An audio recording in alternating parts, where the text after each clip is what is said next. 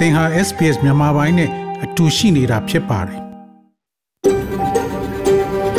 SBS, a world of difference.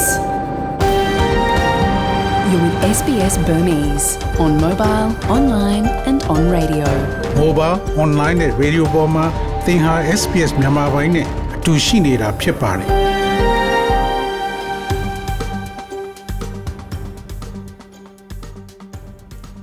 တော်ရရှိမြ ချက်သေးမင်္ဂလာဖျားဖျားနဲ့ပြည့်စုံတော်မူကြပါစားခင်ဗျာ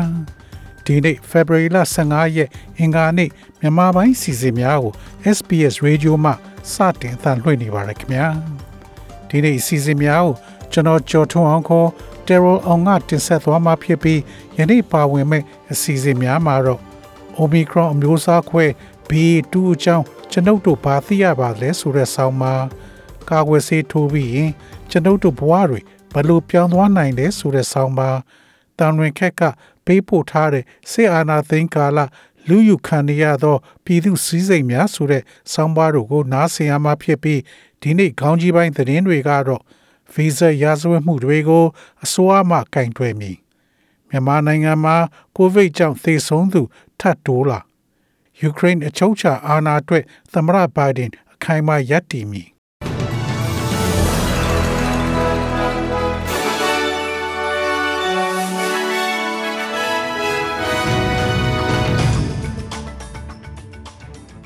ယခုချိန်ကစပြီးသတင်းများကိုကျွန်တော်ကြော်ထုတ်အောင်ကစတင်ဖတ်ကြားပါတော့မယ်ဗီဇရာဇဝတ်မှုတွေကိုအစိုးရမှကင်တွယ်မည်ဖက်ဒရယ်ဆိုရသည်ကြမ်းတမ်းသောသို့မဟုတ်ပြင်းထန်သော လိမ်ပိုင်းဆိုင်ရာကျူးလွန်မှုများဖြင့်ပြစ်ဒဏ်ချခံရသော နိုင်ငံခြားဘွားရာဇဝတ်ကောင်များကိုအမြန်ပြန်ဖို့ရန်ဆောင်ရွက်နေပါသည်ညွန်ပေါင်းဆိုအဖွဲ့သည်ရွှေပြောင်းအခြေချနေထိုင်မှုဆိုင်ရာစမ်းသပ်မှုဥပဒေများတွင် ကွက်လက်တချို့ကိုပိတ်ရန်ပါလီမန်သို့ဥပဒေပြုရန်စီစဉ်နေပါသည်အဆိုအပြုထားသော ပြင်ဆင်ချက်သည်အစိုးရအနေဖြင့်ပြစ်မှုထင်ရှားစီရင်ခြင်းခံရသော နိုင်ငံသားမဟုတ်သူများရဲ့ဗီဇာကိုညှင်းပယ်ခြင်းသို့မဟုတ်ပယ်ဖြစ်နိုင်စေမည်ဖြစ်ပြီးကြီးနေသော ပြစ်မှုများအတွက်အ ਨੇ ဆုံးထောင်ဒဏ်နှစ်နှစ်ထိချမှတ်နိုင်ကာ Federal လူဝင်မှုကြီးကြပ်ရေးဝန်ကြီး Alex Hawke ကလူအများပြားကို ပြည်နှင်တန်ပေးရန်အတွက်အစိုးရအနေဖြင့်အာဏာပူလိုအပ်ကြောင်း7 Network သို့ပြောကြားခဲ့ပါတယ်။ We're the first government that's deported 10,000 serious criminals. We've cancelled their visas. We've got them offshore, overseas, never to come back. ကျွန်ုပ်တို့ And we သည် need more ကြီးရ power သော to get ရာ rid ဇဝတ် of it ကောင် because တစ်သောင်းကို there are ပြည်နှင်တန်ပေးသည့် several ပထမဆုံးအစိုးရဖြစ်ပါတယ်။၎င်းတို့ဗီဇာများကိုဖျက်သိမ်းခဲ့ပြီး၎ င်းတို့အားကမ်းလွန်ပြည်နယ်ပြင်တွင်ဘယ်တော့မှပြန်မလာနိုင်စေရန်တွန်းအားပေးခဲ့ပြီးပြင်းထန်စွာဖမ်းဆီးရမိရန်မလုံလောက်သောဥပဒေများစွာရှိသောကြောင့်၎င်းကိုပုံမလှုပ်ဆောင်ရန်ပုံမအာဏာလိုအပ်ပါတယ်။လိမ်ပိုင်ဆိုင်ရာနှင့်ကြမ်းတမ်းစွာစော်ကားခြင်းမျိုးပါ။မြန်မာနိုင်ငံမှာကိုဗစ်ကြောင့်သေဆုံးသူထပ်တိုးလာအခုနှစ်ဆန်းကစလို့မြန်မာနိုင်ငံမှာ ကိုဗစ်ရောဂါဖြစ်ပွားမှုတွေပြန်ပြီးမြင့်တက်လာနေပါတယ်။ယမန်နေ့24နာရီအတွင်းကိုဗစ်အတည်ပြုလူနာသစ်1500ကျော်တွေ့ရှိပြီးသေဆုံးသူတဦးရှိခဲ့တယ်လို့စစ်ကောင်စီထိန်းချုပ်တဲ့ကျန်းမာရေးဝန်ကြီးဌာနကသတင်းထုတ်ပြန်ပါတယ်။ February လ23ရက်ည8နာရီကနေ14ရက်ည8နာရီအတွင်းစစ်ဆေးချက်အရအတည်ပြုလူနာ1586ဦးရှိတယ်လို့သတင်းထုတ်ပြန်ပါတယ်။ စစ်ကောင်စီကျန်းမာရေးဌာနရဲ့စည်ရင်းအရမြန်မာနိုင်ငံမှာအတည်ပြုလူနာစုစုပေါင်း9,48000ကျော်နဲ့သေဆုံးသူပေါင်း19312ဦးရှိပါတယ်။ February လ12ရက်ကနေ23ရက်အတွင်းကိုဗစ်အတည်ပြုလူနာအများဆုံးတွေ့တာကရန်ကုန်တိုင်းမှာ686ဦး၊အေရဝတီတိုင်းမှာ139ဦးနဲ့ကရင်ပြည်နယ်မှာ69ဦးလို့ဆိုပါတယ်။ ယူကရိန်းအချုပ်အခြာအာဏာအတွက်သမ္မတဘိုင်ဒန်အခိုင်အမာရပ်တည်မည်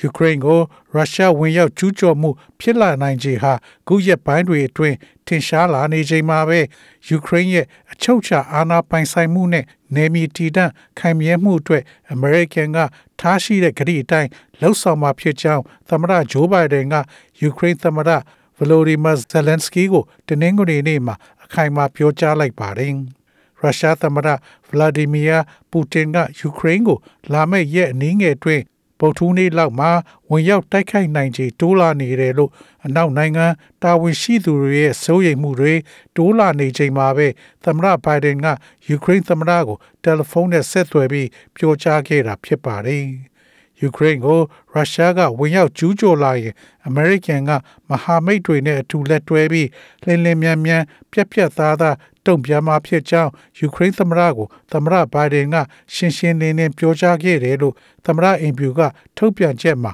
ဖော်ပြထားပါတယ်။စစ်ကောင်စီကိုစုခွာတဲ့စစ်သားနဲ့ရဲ16000ခန့်ရှိပြီဟု CDM အရာရှိတွေပြော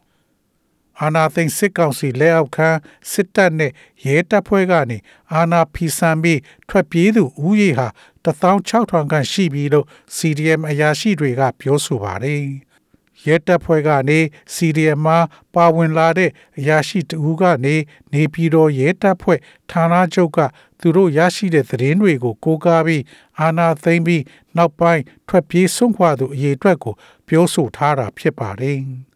ပြည်သူနဲ့ပူးပေါင်းခဲ့တဲ့အခွဲစိတ်အထူးကုဆရာဝန်ကြီးဘိုးကြီးမင်းမောင်မောင်ကလည်းအခြေအနေအရစစ်ကောင်စီကိုစွန့်ခွာသူဦးရေကို အတိအကျသိဖို့ခက်ကြောင်းဒါပေမဲ့တထောင်ကျော်ပြီလို့သူခန့်မှန်းကြောင်းပြောဆိုပါတယ်။ဒီအတော်တွင်လက်ရှိတိုက်ပွဲတွေမှာစစ်ကောင်စီဘက်ကကြာဆုံးတဲ့ဦးရေအထူးများပြားနေတယ်လို့တိုင်းသားအဖွဲ့တွေဒေသခံ PDF တွေကပြောပေမဲ့စစ်ကောင်စီဘက်ကအတီးပြုတ်ခြင်းတော့မရှိပါဘူး SBS SBS SBS SBS SBS This is SBS Radio. ဝေလဲနှုန်းမှာတော့ Australian dollar ကိုမြန်မာကျပ်ငွေ1268ကျပ်ရရှိပြီး American dollar ကိုမြန်မာကျပ်ငွေ1989ကျပ်ရရှိပါတယ်။ Australian dollar ဟာ American 80စနစ်နဲ့ညီမျှပါတယ်။ မနေ့ပြန် Australia တိုက်မှာရှိတဲ့မြို့ကြီးများရဲ့မိုးလေဝသခန့်မှန်းချက်ကတော့ဆင်နီမြို့မှာအပူချိန်28 degree centigrade ရှိမှဖြစ်ပြီးများသောအားဖြင့်နေသားမှာဖြစ်ပါတယ်။ Melbourne မြို့မှာအပူချိန်24 degree centigrade ရှိမှဖြစ်ပြီးမိုးတိမ်သားများအနည်းငယ်ရှိမှဖြစ်ပါတယ်။ Brisbane မြို့မှာအပူချိန်29 degree centigrade ရှိမှဖြစ်ပြီးမိုးတစ်ဖြောက်နှစ်ဖြောက်ရွာသွန်းနိုင်ပါတယ်။ Perth မြို့မှာအပူချိန်38 degree centigrade ရှိမှဖြစ်ပြီးအရန်ပူအိုက်မှာဖြစ်ပါတယ်။ Adelaide မြို့မှာအပူချိန်30 degree centigrade ရှိမှဖြစ်ပြီးမိုးတိမ်သားများအနည်းငယ်ရှိမှဖြစ်ပါတယ်။ Hobart မြို့မှာအပူချိန်22 degree centigrade ရှိမှဖြစ်ပြီးနာနဲ့ပိုင်းမိုးရွာသွန်းနိုင်ပါတယ်။ Canberra မြို့မှာအပူချိန်31 degree centigrade ရှိမှဖြစ်ပြီးနေသားမှာဖြစ်ပါတယ်။ ဒါဝင်မြို့မှာအပူချိန်35 degree centigrade ရှိမှဖြစ်ပြီးများသောအားဖြင့်နေသားမှာဖြစ်ပါတယ်။ဤတွင်သတင်းများကိုကြီးညာလို့ပြီးပါပြီခင်ဗျာ။